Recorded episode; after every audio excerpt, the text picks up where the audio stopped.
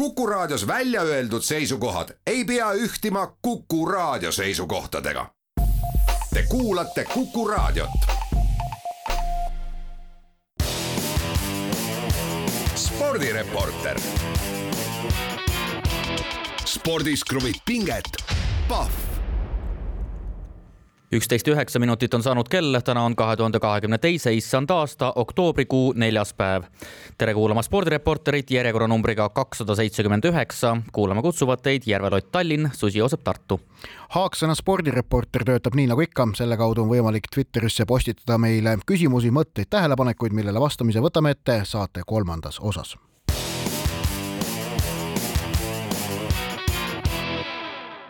aga alustame spordireporterit nagu ikka kiirete ja aktuaalsete teemadega ning teemaks number üks on pühapäeval Tallinnas Tondi tennisekeskuses lõppenud WTA turniir, esimene selle tasemega tennisevõistlus läbi aegade, mis Eestis peetud. võistluse finaalkohtumises alistas äh, seitsmendana paigutatud äh, Barbara Krejtšikova äh, kahes setis selgelt kuus-kaks, kuus-kolm esimese asetuse omaniku Anett Kontaveidi.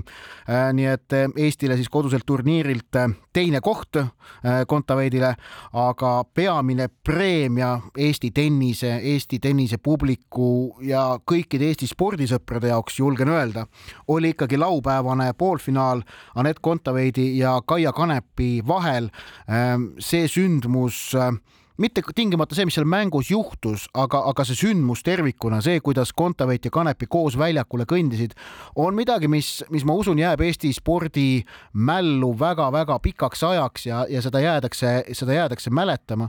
Ning kahtlemata väga oluline osa sellest äh, poolfinaalmatšist kui sündmusest on ka see, kuidas Kontaveit ja Kanepi selle omavahelise poolfinaalini jõudsid. et kui me meenutame selle turniiri kolme esimest ringi, siis nii äh, mõlemal e-, Eesti tennisistil oli nii esimeses ringis kui ka veerandfinaalis äh, vaja ikkagi pidada kolmesetiline kohtumine ehk et noh, närveerimist oli omajagu, eriti muidugi Kaia Kanepil, kelle veerandfinaal Karoliina Muhhova vastu äh, otsustava seti kiires lõppmängus seisuga kaheksa-kuus lahenduse leidis. ehk et kõik see, äh, kõik see nädal otsa kestnud äh, ping, kruttinud pinge päädis siis selle laupäevase poolfinaaliga, mis noh, Eesti aasta spordisündmust valides oleks, oleks ilmselt väga-väga kõrgel kohal, võrreldav seal Kelly Sildaru olümpiapronksiga jah, ja kindlasti kogu selle turniiri puhul äh, selline sümbolväärtus isegi oli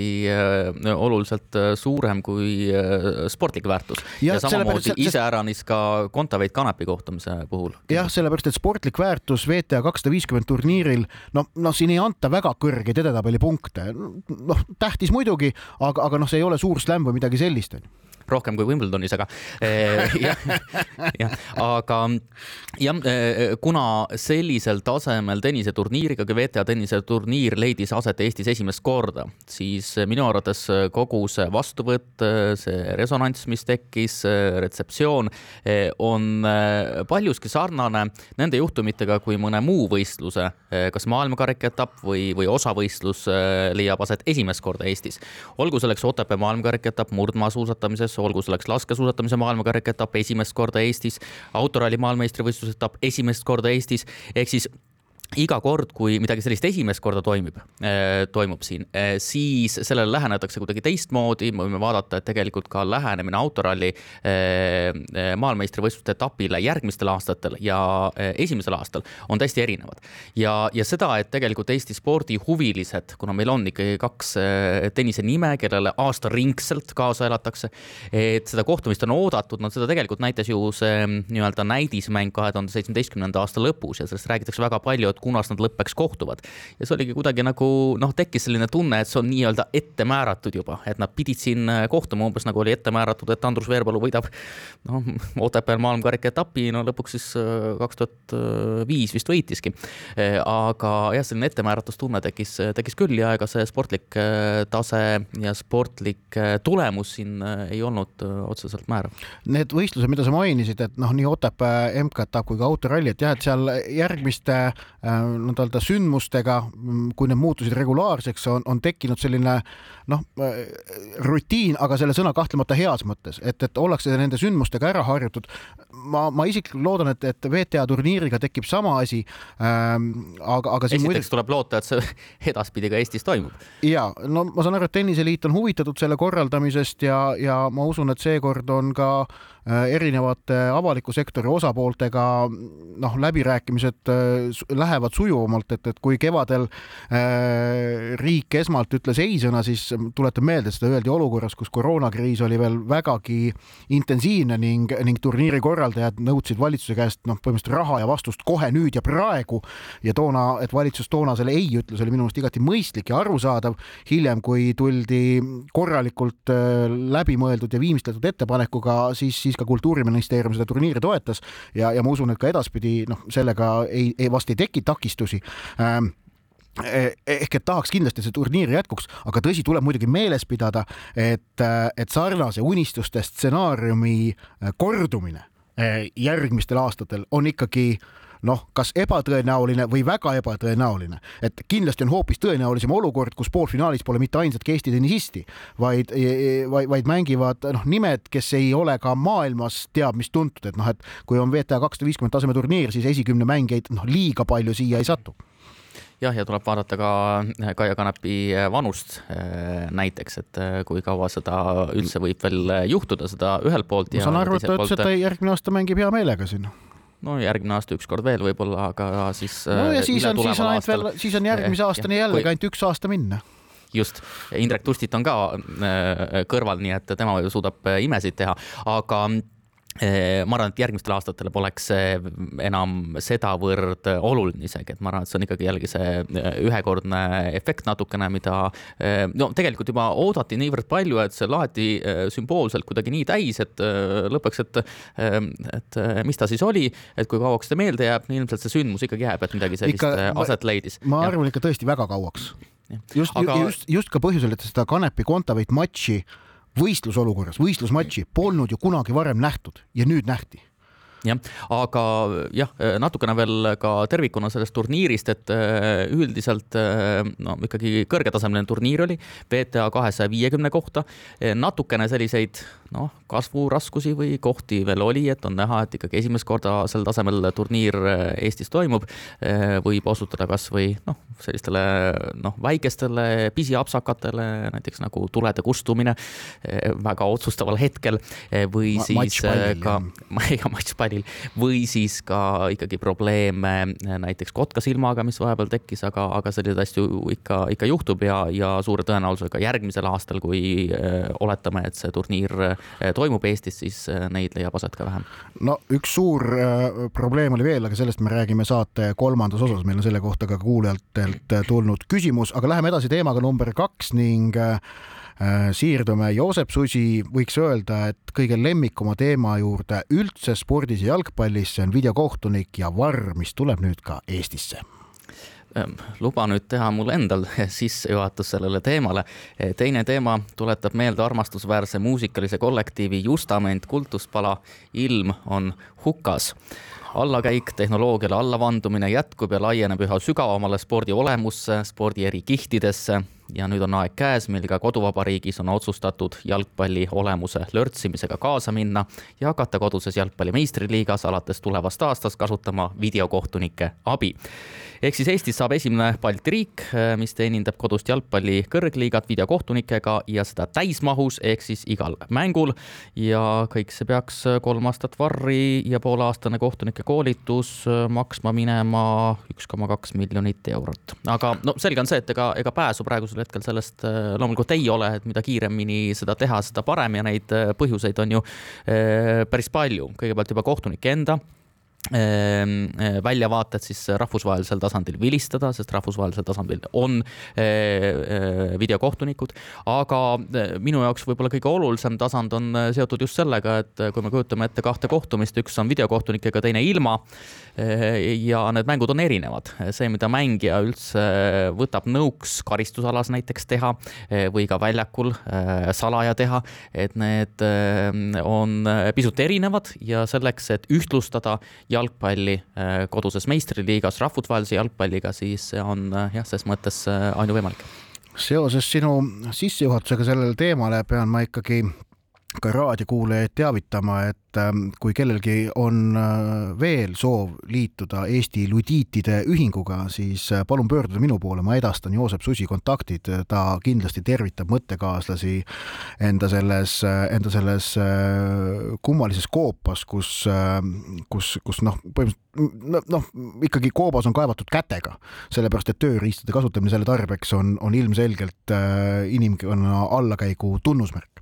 Aga naastes Varri ja videokohtuniku juurde, siis sa mainid ka seda raha, et üks koma kaks miljonit, äh, äh, noh, see on siis circa nelisada tuhat per hooaeg, kusjuures sealt siis see kulu konkreetselt riist- ja tarkvarale on kõigest kolmandik, et ülejäänud on, on kaasnenud, ülejäänud kulu, ma saan aru, on ikkagi muu ressurss ja sealhulgas väga oluline osa on siis ikkagi inimressurss, mida see Varr hakkab Eesti jalgpallilt ja Eesti tippkohtunikelt nõudma. ehk et kui praegu on iga kõrgliga mänguga olnud seotud neli kohtunikku, üks vilistab väljakul, kaks tükki on joonte peal, neljas on neljanda kohtuniku rollis, siis nüüd lisandub igale kohtumisele kaks videokohtunikku.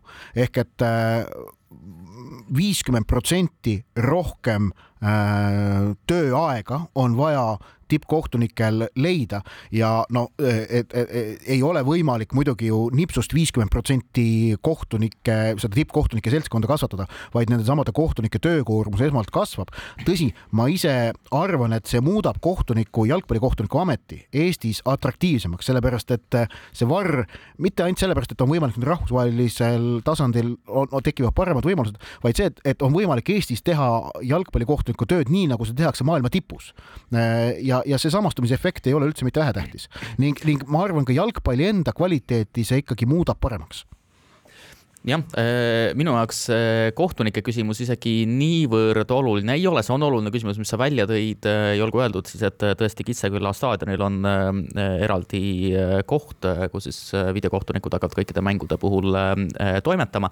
aga võib-olla natukene laiem küsimus, et kui me mõtleme praegu ka teleülekandeid, siis no selline küsimus, mida esitati võib-olla seitse-kaheksa aastat tagasi äh, umbes väga sageli, et äh, kas kellelgi tuleb meelde olukord, kui videokordus annaks midagi äh, juurde. ehk siis annaks teada midagi, mis seal olukorras tegelikult juhtus. praegusel hetkel on olukord natukene teistsugune, kui me vaatame näiteks Eesti Televisiooni jalgpalliülekandeid, siis tegelikult kordused ütlevad väga palju juurde. küsimus on esiteks mitme kaameraga seda tehakse ja mitte ainult. väga selge on see, et neid kaameraid on märgatavalt vähem, kui on noh, teistes suuremates liigades me ei räägi ainult Inglise kõrgliigast või midagi sellist, vaid ka näiteks Poola liiga. küsimus on, kas on ka piisavalt kvaliteetseid operaatoreid, kes suudavad äh, toota sellist pilti, mille alusel on üldse võimalik äh, varri toimimine? Neid väljakutseid, äh, mis puudutavad jah, tehnilist poolt, kahtlemata on selle varri juurutamisega seotud mitmeid, tekib raskusi, tekib probleeme, noh, nende ületamine on lihtsalt asi, mis selle protsessi käigus tuleb läbi käia.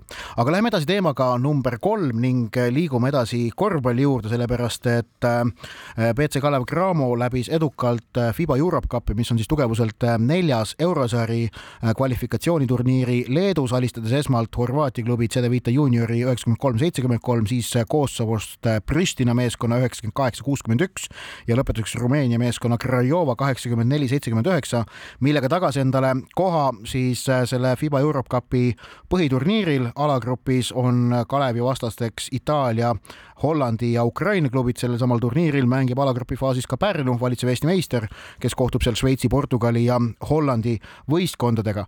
Äh, aga FIBA Europe Cup ei ole siis sugugi mitte ainukene rahvusvaheline väljund tänavu Eesti äh, klubikorvpallile, vaid äh, Põhja-Euroopa korvpalliliigas, kus mullu tegutses Tartu Ülikool, lisaks tänavu on siis lisaks neile seal ka TalTechi ja BC Kalev Cramo meeskonnad mängimas ehk et ja muidugi Eesti-Läti liiga ka veel, ehk et rahvusvahelist klubikorvpalli näeb sel hooajal Eestis meeldivalt palju, vaatamata siis sellele tänuväärsele asjaolule, et äh, Venemaa lahtistel meistrivõistlustel BC Kalev Cramo enam ei osale ja mul on tunne, et sellega seoses äh, muutub ka Eesti-Läti äh, liiga äh, märgatavalt atraktiivsemaks, ehk siis selgelt, kui Kalev Cramo-sugune klubi panustab sellesse liigasse rohkem, siis see on kindlasti hea liigale endale.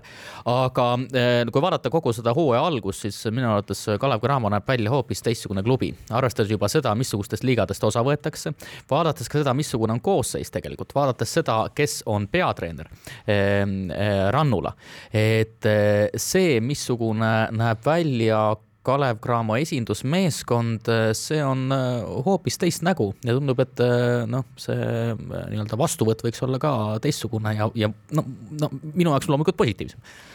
Läheme edasi, teema number neli ning tuleb rääkida spordi kurvast küljest jah, laupäeva õhtul Indoneesias toimunud jalgpallimängule järgnenud rahutuste tõttu on hukkunud vähemalt sada kakskümmend viis inimest, nende seas ka kümneid lapsi laupäeva õhtul kohtusid äh, Indoneesia kõrgliiga raames äh, Arema ja Persebaya jalgpalliklubid ja külalismeeskond võitis mängu kolm-kaks, aga pettunud kodumeeskonna fännid jooksid äh, pärast lõpuvilet väljakule.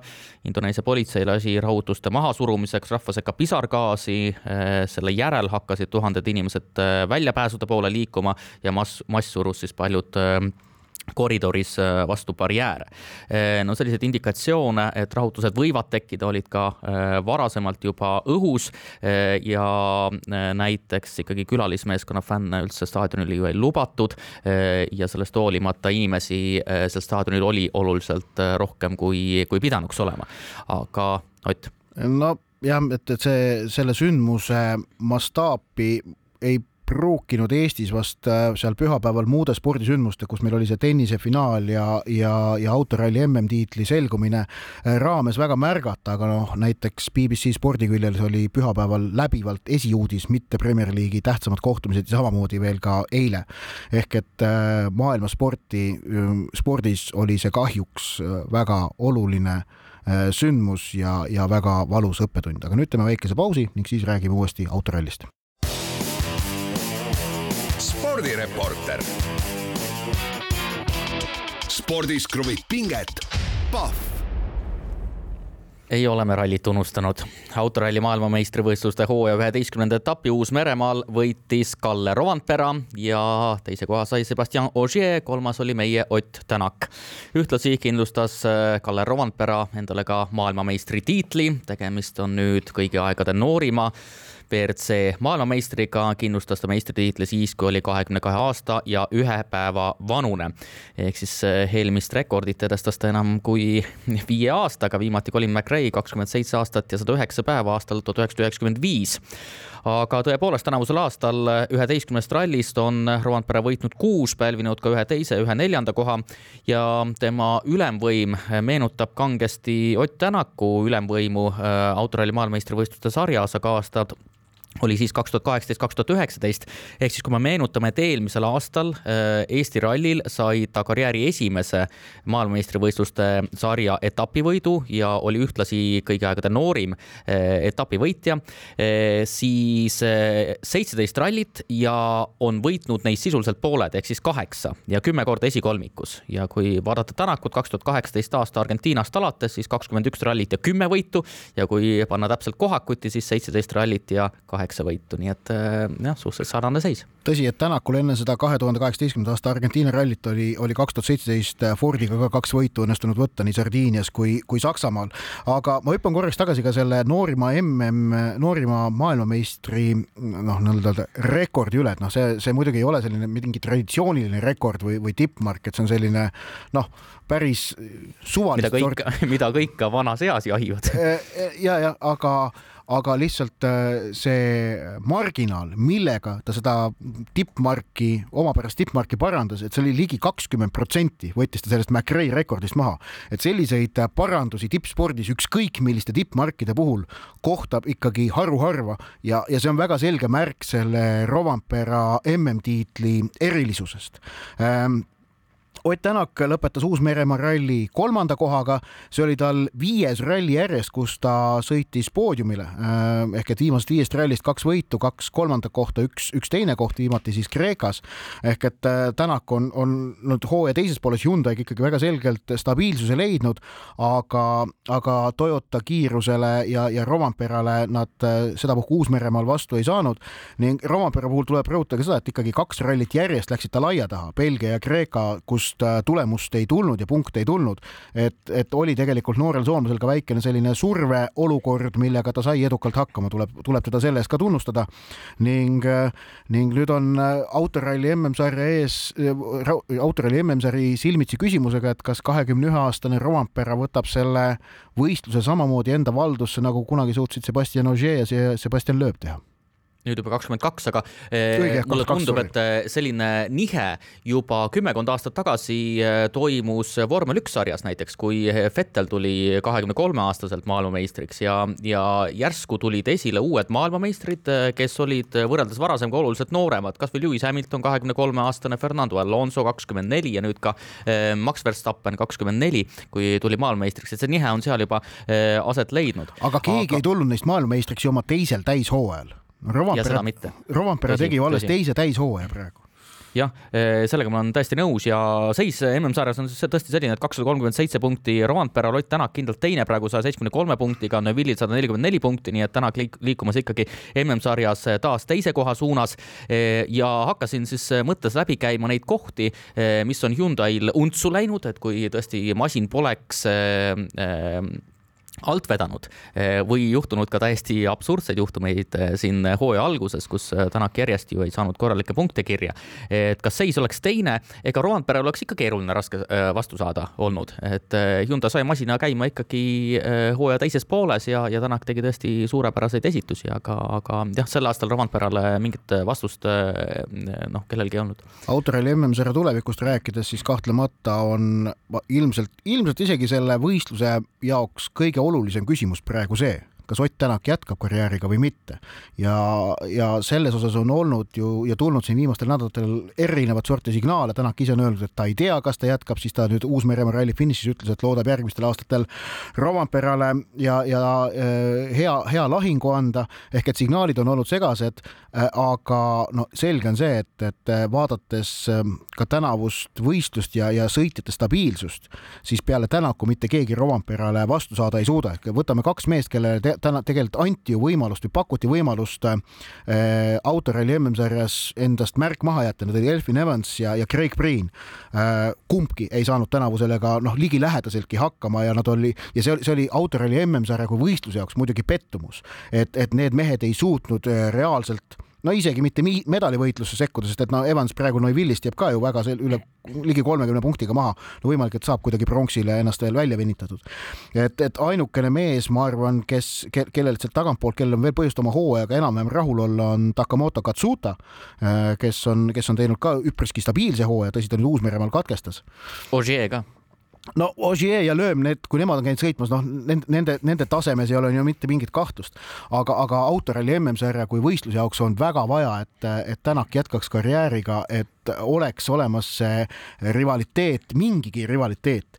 Äh, niikuinii autoralli MM-sarja jaoks see, et neil on kaks ja pool tehase meeskonda seal ainult, on, on sügav probleem, millega, mis, mis pikas plaanis ei muuda seda võistlust teab mis jätkusuutlikuks kindlasti kaks üliolulist küsimust, esimene küsimus, mida Tänak lõppeks äh, otsustab, ta saab tegelikult selle aasta lõpus ka kolmkümmend viis juba, aga no rallis see vanus ei mängi niivõrd suurt rolli.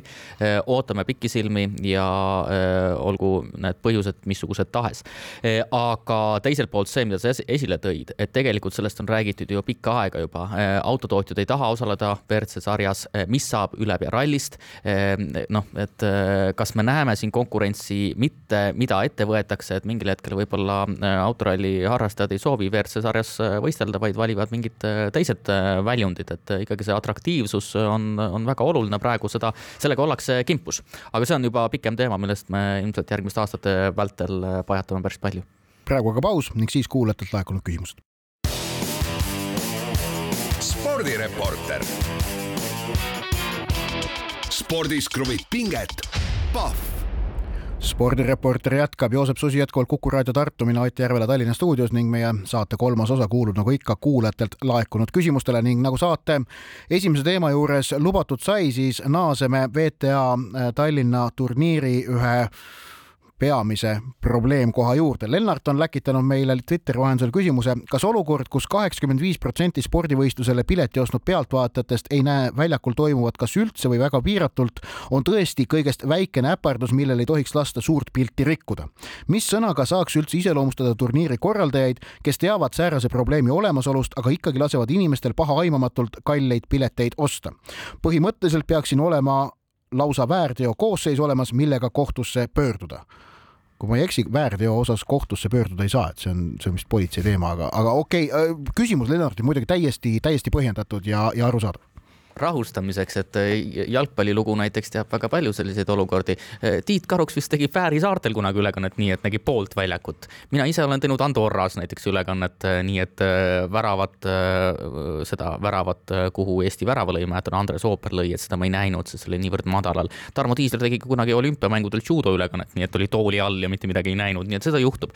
aga tõesti, et seitseteist Eh, tuhat inimest eh, külastas tenniseturniiri ja eh, väidetavalt siis on kaebuse esitanud kusagil viisteist inimest just nimelt seetõttu, et väljakut ei olnud näha. ja no, no, no, no see on väga valus, jah. ja no ütleme nii, et, et see, et neid kaebusi on esitanud niivõrd vähe inimesi, on, on mõnevõrra üllatav, sellepärast et need fotod, mis ikkagi on seal publiku positsioonidelt tehtud ja, ja, ja mida on võimalik olnud sotsiaalmeediast ja, ja tavameediast näha need on ikkagi päris ehmatavad, et seal see, see tuleb öelda, tuleb, tuleb nõustuda küsija Lennartiga, et see ei olnud väikene äpardus, vaid see oli suur ämber tõsi on nüüd muidugi see, et, et ma nüüd ei noh, noh ja, ja milles see ämber tekkis, oli ilmselgelt äh, olid olemas väga huvitatud osapooled, et see turniir peab toimuma just nimelt Tondil äh, Fooruse äh, tennisekeskuses, mille, kui ma ei eksi, vist ainuomanik või suuromanik on Urmas Sõõrumaa. et, et äh, ja, ja seal ei ole statsionaarseid tribüüne olemas, need tuli ehitada, need ehitati kehvasti, sellepärast et nad olid vale nurga alt. Äh, tavapärasel spordiareenil, no näiteks Saku Suurhallis, kus mängiti kunagi see Kanepi Kontaveit matš, oli, oli võimalik tennist väga normaalselt vaadata, ei, ei, ei seganud miski.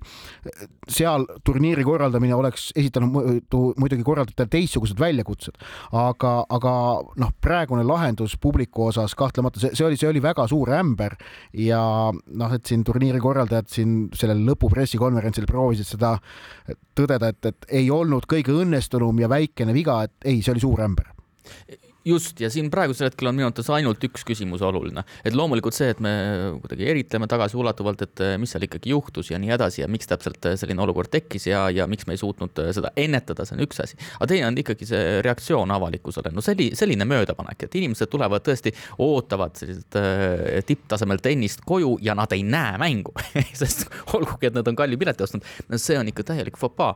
ja, ja küsimus ongi, kuidas me reageerime nüüd või kuidas tenniseinimesed, korraldajad reageerivad, siin võiks võiks ju ka väga üheselt öelda, jah, me panime täiesti puusse sellega. ja, ja, ja, ja jah, me järgmiseks aastaks teeme selle asja väga selgelt korda ja tagame, et mingit sellist asja uuesti ei juhtu. ehk et noh, siin see, et mis kehvasti, see uuesti, see, see, see printsiip kahtlemata kehtib ka, aga, aga siin ikkagi jah, noh, see oli, see oli väga kehv lugu videod Eestist on esitanud küsimuse Hispaania korvpallis. Tehti huvitav muudatus Audi viskel, mis muudab mängu kiiremaks ning mitmel puhul kasutati seda väga hästi ära ja saadi kiire korv mida sellest arvate ja milliseid muudatusi võiks teha jalgpallis, et muuta mängu veel kiiremaks ja sujuvamaks? see Hispaania korvpalli muudatus puudutab seda, et kohtunik ei pea äh, palli vahepeal, e, vahepeal ei pea pall käima tingimata kohtuniku käest läbi, vaid võib, kui pall läheb out'i ja mängija saab selle enda kätte, siis ta teatud olukordades võib selle kohe mängu panna.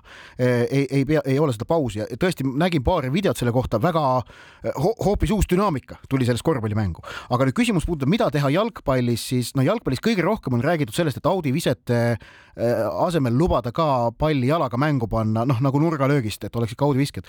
ma ise arvan, et see ei mõjuks jalgpallimängule hästi, vaid, äh, vaid äh, muudaks jalgpallimängu ta vähendaks väljakul olevat vaba ruumi, sellepärast et mängijad laotuksid rohkem üle väljaku laiali. jalgpallimäng toimib siis, kui mängijad on kitsal maa-alal koos, sest siis on rohkem vaba ruumi, kuhu saab spurtida ja mängida jah, no minu arvates tingimata jalgpallis ei äh, ole tarvis äh, teha suuri muudatusi, aga väikesed äh, küljed küll, millele võiks tähelepanu osutada ja mis on sellised võimalused. noh, üks võimalus on puhtalt mängu lõpu viivitamist väga selgelt, oluliselt rangemalt karistada. Ehm, üks variant on, et ikkagi näiteks edusituatsioonis lubada ka liikuva palli lahti mängimist. see on päris hea ettepanek ja kui, kui noh, see, see on niimoodi, et kui kohtunik leiab, et see ei mõjuta liiga palju mängu, et siis võib. jah, kui sa mängid veel edu näiteks saalihokis, saalihokis täpselt selline reegel kehtib, ma võin öelda. jah, ehm, ja no mingi natukene absurdsem on see, et out ei pea olema ülimuslik, et praegu nii, et kui, kui on viga, siis kohtunik ei pea seda, ei pea mängu peatama, aga kas näiteks audi sisseviske korral võiks sama teha, et läheb korraks üle joone, aga võime edasi mängida ikkagi. selles, selles mõttes pall on nagunii meie käes, et noh, sellised väikesed nüansid, aga tegelikult noh, ma natukene viin selle nii-öelda varri temaatikaga kokku. kõige rohkem kulub aega praegu videokordustele, seda me teame üldiselt, et üks variant on see, et tõesti, tõesti forsseerida juba õuejalgpallis eh, videokohtunike kasutamist, et nad harjuksid sellega. noh, et ikkagi iga kord, kui me mängime kuskil metsas, kuskil väikestel platsidel, kuskil kooli taga näiteks, et siis oleks kas mingi tütarlaps või väike poiss, kes, keda võib-olla veel mängu ei võeta, aga filmib ja siis kiiresti vaadatakse olukord üle videost, et kui tekib no,. see on eksiarvamus, mis sa ütled, et videokorduste peale kulub palju aega. Krista Tohver eilsel Varri pressikonverentsil tõi välja siis nagu konkreetsed andmed. Ehk et videokohtunikuga peetud mängud äh, keskmiselt on ühe minuti võrra pikemad kui need, mis peetakse videokohtunikuta, aga äh, aeg, mil pall on mängus või mäng käib, on tegelikult suurem, sellepärast et näiteks nurgalöökide puhul, kus äh, videokohtunikku ei ole, peavad kohtunikud tegelema mängijate hoiatamisega, et ei tohi kinni hoida, ei, ärge tehke seda, ärge tehke teist, siis kui videokohtunik on, siis seda ei tehta, sest mängijad äh, niikuinii seda ei tee, nad teavad, et neid jälgitakse ja tegelikult seda efektiivset mänguaega on rohkem jah, see on äh, natukene teist tüüpi aeg, kui ollakse valmis, et nurga, äh, äh, nurgalöök tuleb, siis vaataja perspektiivist mäng käib, mäng käib jah, et see, mis pall on äh, platsil või mitte, äh, aga see, kui kohtunik peatab selle, noh, äh, täielikult, et minna seda vaatama, siis see lõhub seda mängurütmi vaataja jaoks ikkagi, ikkagi oluliselt. ole, see, see, see, on, see on põnev vaadata, mis seal, mida seal vaadatakse ja miks Selge. vaadatakse okay.. Läheme tagasi ikkagi küsimuse juurde, kas sul on veel ettepanekuid, mida võiks mängu sujuvamaks teha, tegemiseks ette võtta? ei ole, vaid ma võtan ette järgmise küsimuse, mille on esitanud pullimees viiskümmend kaheksa, kes meil ikka aeg-ajalt Twitteris küsimusi saadab ja uurib ta järgmist, kas Kalev Cramo võiks hellitada lootusi võita ära FIBA eurosari, mille põhiturniirile kvalifitseeruti. vaadates vastaseid ja arvestades, et Kalev on viimastel hooaegadel ka euroliiga tiimidel ära pannud, ei tohiks ju üle jõu käivaid satse selles liigas olla no kui küsimus on otseselt sõnastatud nii, et kas võiks hellitada lootusi, eh, siis jah, võib hellitada lootusi küll, aga kui tõsisemalt vastata, siis eh, mul on vähemasti praegusel hetkel ettekujutus, ega Kalev Cramo mängijad, Kalev Cramo treenerid ka väga täpselt ei, ei kujuta veel ette, et eh, mida oleks võimalik sellest satsist välja pigistada. ehk siis, mis need konkreetsemad eesmärgid võiksid olla, sest see, sest see sats on ikkagi, ikkagi teistsugune, nagu me ütlesime ka. see Kalev Cramo, kes pani ära siin Euroliiga satsidele ühisliigas, et ka tänavune Kalev Cramo ei ole tolle Kalev Cramoga äh, võrreldav, et need on erinevat äh, tüüpi võistkonnad erineva komplekteerituse tasemega ja jõuame ühe küsimuse veel. mälumängu küsimuse võtame ka veel, jah. Haalandist ei taha rääkida, jah? ei saa, jah Äh, selge, no ma esitan siis selle ise, märkasin, et mälumängu meistrivõistluste tulemusi kajastavad ka spordiportaalid. Igor Habal tuli taas Eesti meistriks. kas ka mälumängu käsitletakse spordina, kas mälumängijate ettevalmistus on näiteks sarnane maletajate omaga? kui jah, miks ei kajastata siis teiste mälumängude tulemusi? sellise küsimuse on helistanud, esitanud Sander mälumängijate ettevalmistuse kohta ma, nii palju kui ma Igor Habali tavadest tean, et ta aeg-ajalt lihtsalt võtabki mingi valdkonna lihtsalt täiendab ennast selles, et noh, loeb, uurib asju ja jätab meelde. Ehm, aga mälumäng, noh, ta on selline spordilaadne asi, nagu need nagu, nagu, nagu siin mõned teisedki ja kui tahetakse seda spordina kajastada, miks mitte jah, see esiteks sõltub ikkagi definitsioonist, et mis see sport äh, on. Äh, me näeme tegelikult, et näiteks kui me vaatame ainult Eesti Rahvusringhäälingu spordiportaali, siis me näeme, et sellised näiteks äh, hobust või vabandust, koerte võistlused ja nii edasi aeg-ajalt ikka pälvivad ruumi. ja, ja minu arvates ikkagi paljud mälumängijad ikka väga teadlikult teevad tööd, mismoodi üldse seoseid luua ja oma teadmisi järk-järgult suurendada ja nii edasi, nii et loomulikult selline eeltöö on mingis mõttes sarnane malega nüüd aga paus. spordireporter. spordis kruvib pinget, Pahv spordireporter alustab lõpusirgega. reedel esitles ähm, enda karjäärist ja elust kirjutatud raamatut kahe tuhande üheteistkümnendal aastal Soome jäähokimeistriks tulnud Eesti hokimees Siim Liivik. täna Vanalinna Rahvaraamatus kell seitseteist esitleb Tiit Karuks oma äh, värsket raamatut kahekordsest olümpiapronksist Jüri Tammest. ilmselge märk, et sügis äh, on täies hoos, mis tähendab, et ka raamatuhooaeg äh, koduvabariigis on alanud ja, ja kogub hoogu ning selles valguses mõtlesime ka spordireporteri saates veidi mõtiskleda teemal, et mis on spordiraamatute funktsioon, millised Eestis spordiraamatud kipuvad olema ja millised spordiraamatud äh, võiksid äh, meie spordielu rikastada ehk milliseid on meil, millistest on meil puudus. ja, ja Joosep, ole hea, sul on selle kohta väga põhjalik, äh, kuidas öelda noh. esimene, esimene vastus, kohe ma, ma, ma parandan su, parandan su eksimust, et nagu me teame, siis Eesti on äh, raamaturahvas ja ei saa rääkida, et sügisel on mingisugune raamatuhooaeg no. raamatuhooaeg on aasta läbi, see on umbes nagu tennisehooaeg. ja seda esiteks. ei no minu jaoks on äh, põhiküsimus, kui me äh, liigume selle asja no, tuuma juurde. sügis ma... on siis raamatuhooaja Wimbledon olgu, et põhiküsimus on seotud sellega, et meil on enamik spordiraamatuid on väga selgelt suunatud spordivälja sisse, et kui palju on neid raamatuid, mis on suunatud ka väljapoole. ja mitte ainult raamatuid äh, silmas pidades, vaid tegelikult see on laiem, ka teisi kunstivaldkondi võiks äh, silmas pidada, olgu selleks kas või filmikunst, me nägime, et Kalev on selgelt suunatud mitte ainult spordivälja sisse, vaid ka väljapoole, et selliseid on väga vähe. raamatutest rääkides võib-olla Jalgpall hingede öös, Vaba Vaher raamat on midagi sellist, aga üldiselt äh, võrdlemisi vähe kohe, kui sa küsid, et mis on puudu, ehm, siis minu arvates, kui me vaatame spordivälja siseselt, siis ega ei saa öelda, et väga palju midagi puudu oleks, et minu arust neid raamatuid ilmub päris palju. Ehm, valdavalt on tegemist ikkagi biograafiatega, ehk siis tõesti käsitletakse ühte sportlast. aga minu arvates selles kontekstis natukene rohkem võiks ka selliseid akadeemilisi uurimusi olla varasematest suurkujudest, näiteks siin Hackenschmidtist just raamat ilmus, aga noh, korralikke põhjalikumaid käsitlusi näiteks Lurichist ja nii edasi. Aga kindlasti selliseid raamatuid oleks hädasti vaja, neid ei ole ka tõlkeraamatute seas peaaegu üldse, mis tegelikult avaks ka selliseid kultuurilisi, ühiskondlikke äh, äh, mõõtmeid spordi kaudu äh,. jah, selliseid raamatuid, ütleme näiteks Anglo-Ameerika kultuuriruumis on väga palju, aga praegu Eestis võrdlemisi vähe ja tõlgitakse ka neid oluliselt vähem. sa mõtled siis äh, ütleme raamatuid, mis natukene käsitleksid sündmusi samamoodi nagu mängufilm äh, Kalev tegelikult käsitles teatud ajastut jah, no siin on äh, oluline külg, et äh, noh, tavaliselt öeldakse, et äh, selle spordiga kipub olema nii, et sport ise on sedavõrd narratiivne. jah, et on lava, kus tehakse selliseid dramaatilisi elemente ja selliseid narratiive me näeme, mis noh, võrreldes ka teatriga on oluliselt rikkalikumad. ehk siis tavaliselt sporditeemaline raamat on huvitav seda huvitavam, mida vähem ta käsitleb sporti. jah, ja siis ta muutub ka, seal hakkavad mingisugused muud mõõted, inimpsühholoogia mängima ja nii edasi ja ka ühiskondlik, kultuuriline, sotsiaalne eh, kontekst, tasand ja, ja need on võib-olla huvitavamad ja Eesti spordilugu annab selleks nii palju võimalusi. Eh, mitte ainult kahekümnendad, kolmekümnendad, eh, need kindlasti ka, aga kogu näiteks no.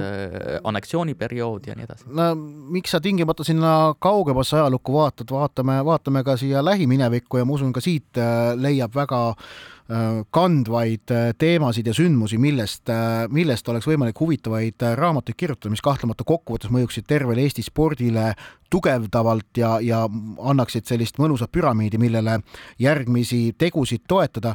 sellepärast, et vaata, mina spordiraamatuid vaadates üpris selgelt vastandan isikuraamatuid ja siis sündmustest või nähtustest äh, kirjutatud raamatuid ja, ja pean tõdema, et isikuraamatute puhul äh, noh, neid, mida ma, mis mulle väga meeldivad, neid on pigem vähem, nii, nii Eestis kui ka, kui ka mujalt maailmast äh, spordiraamatuid hankides.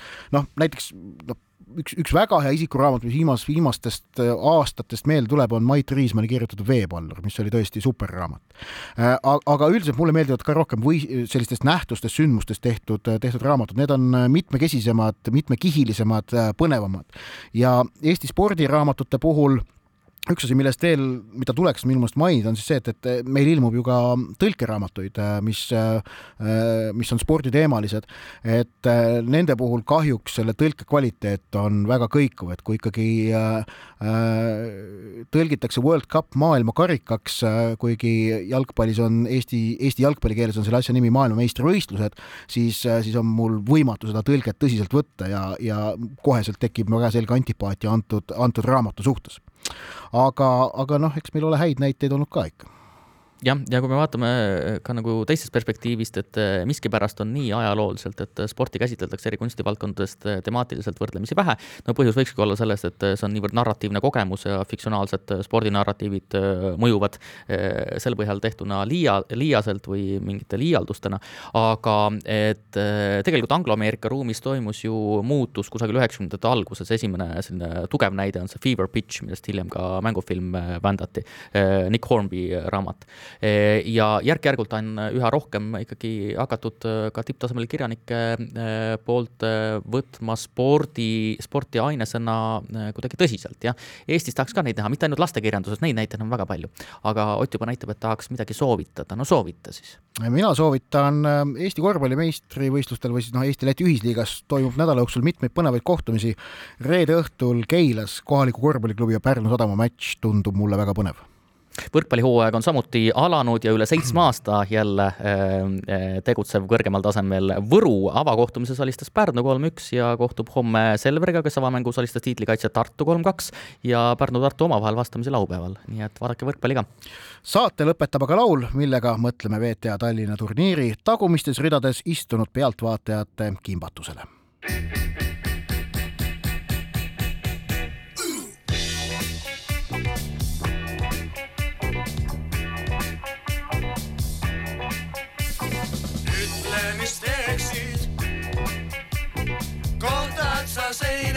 Seina, mis lai nagu ilm.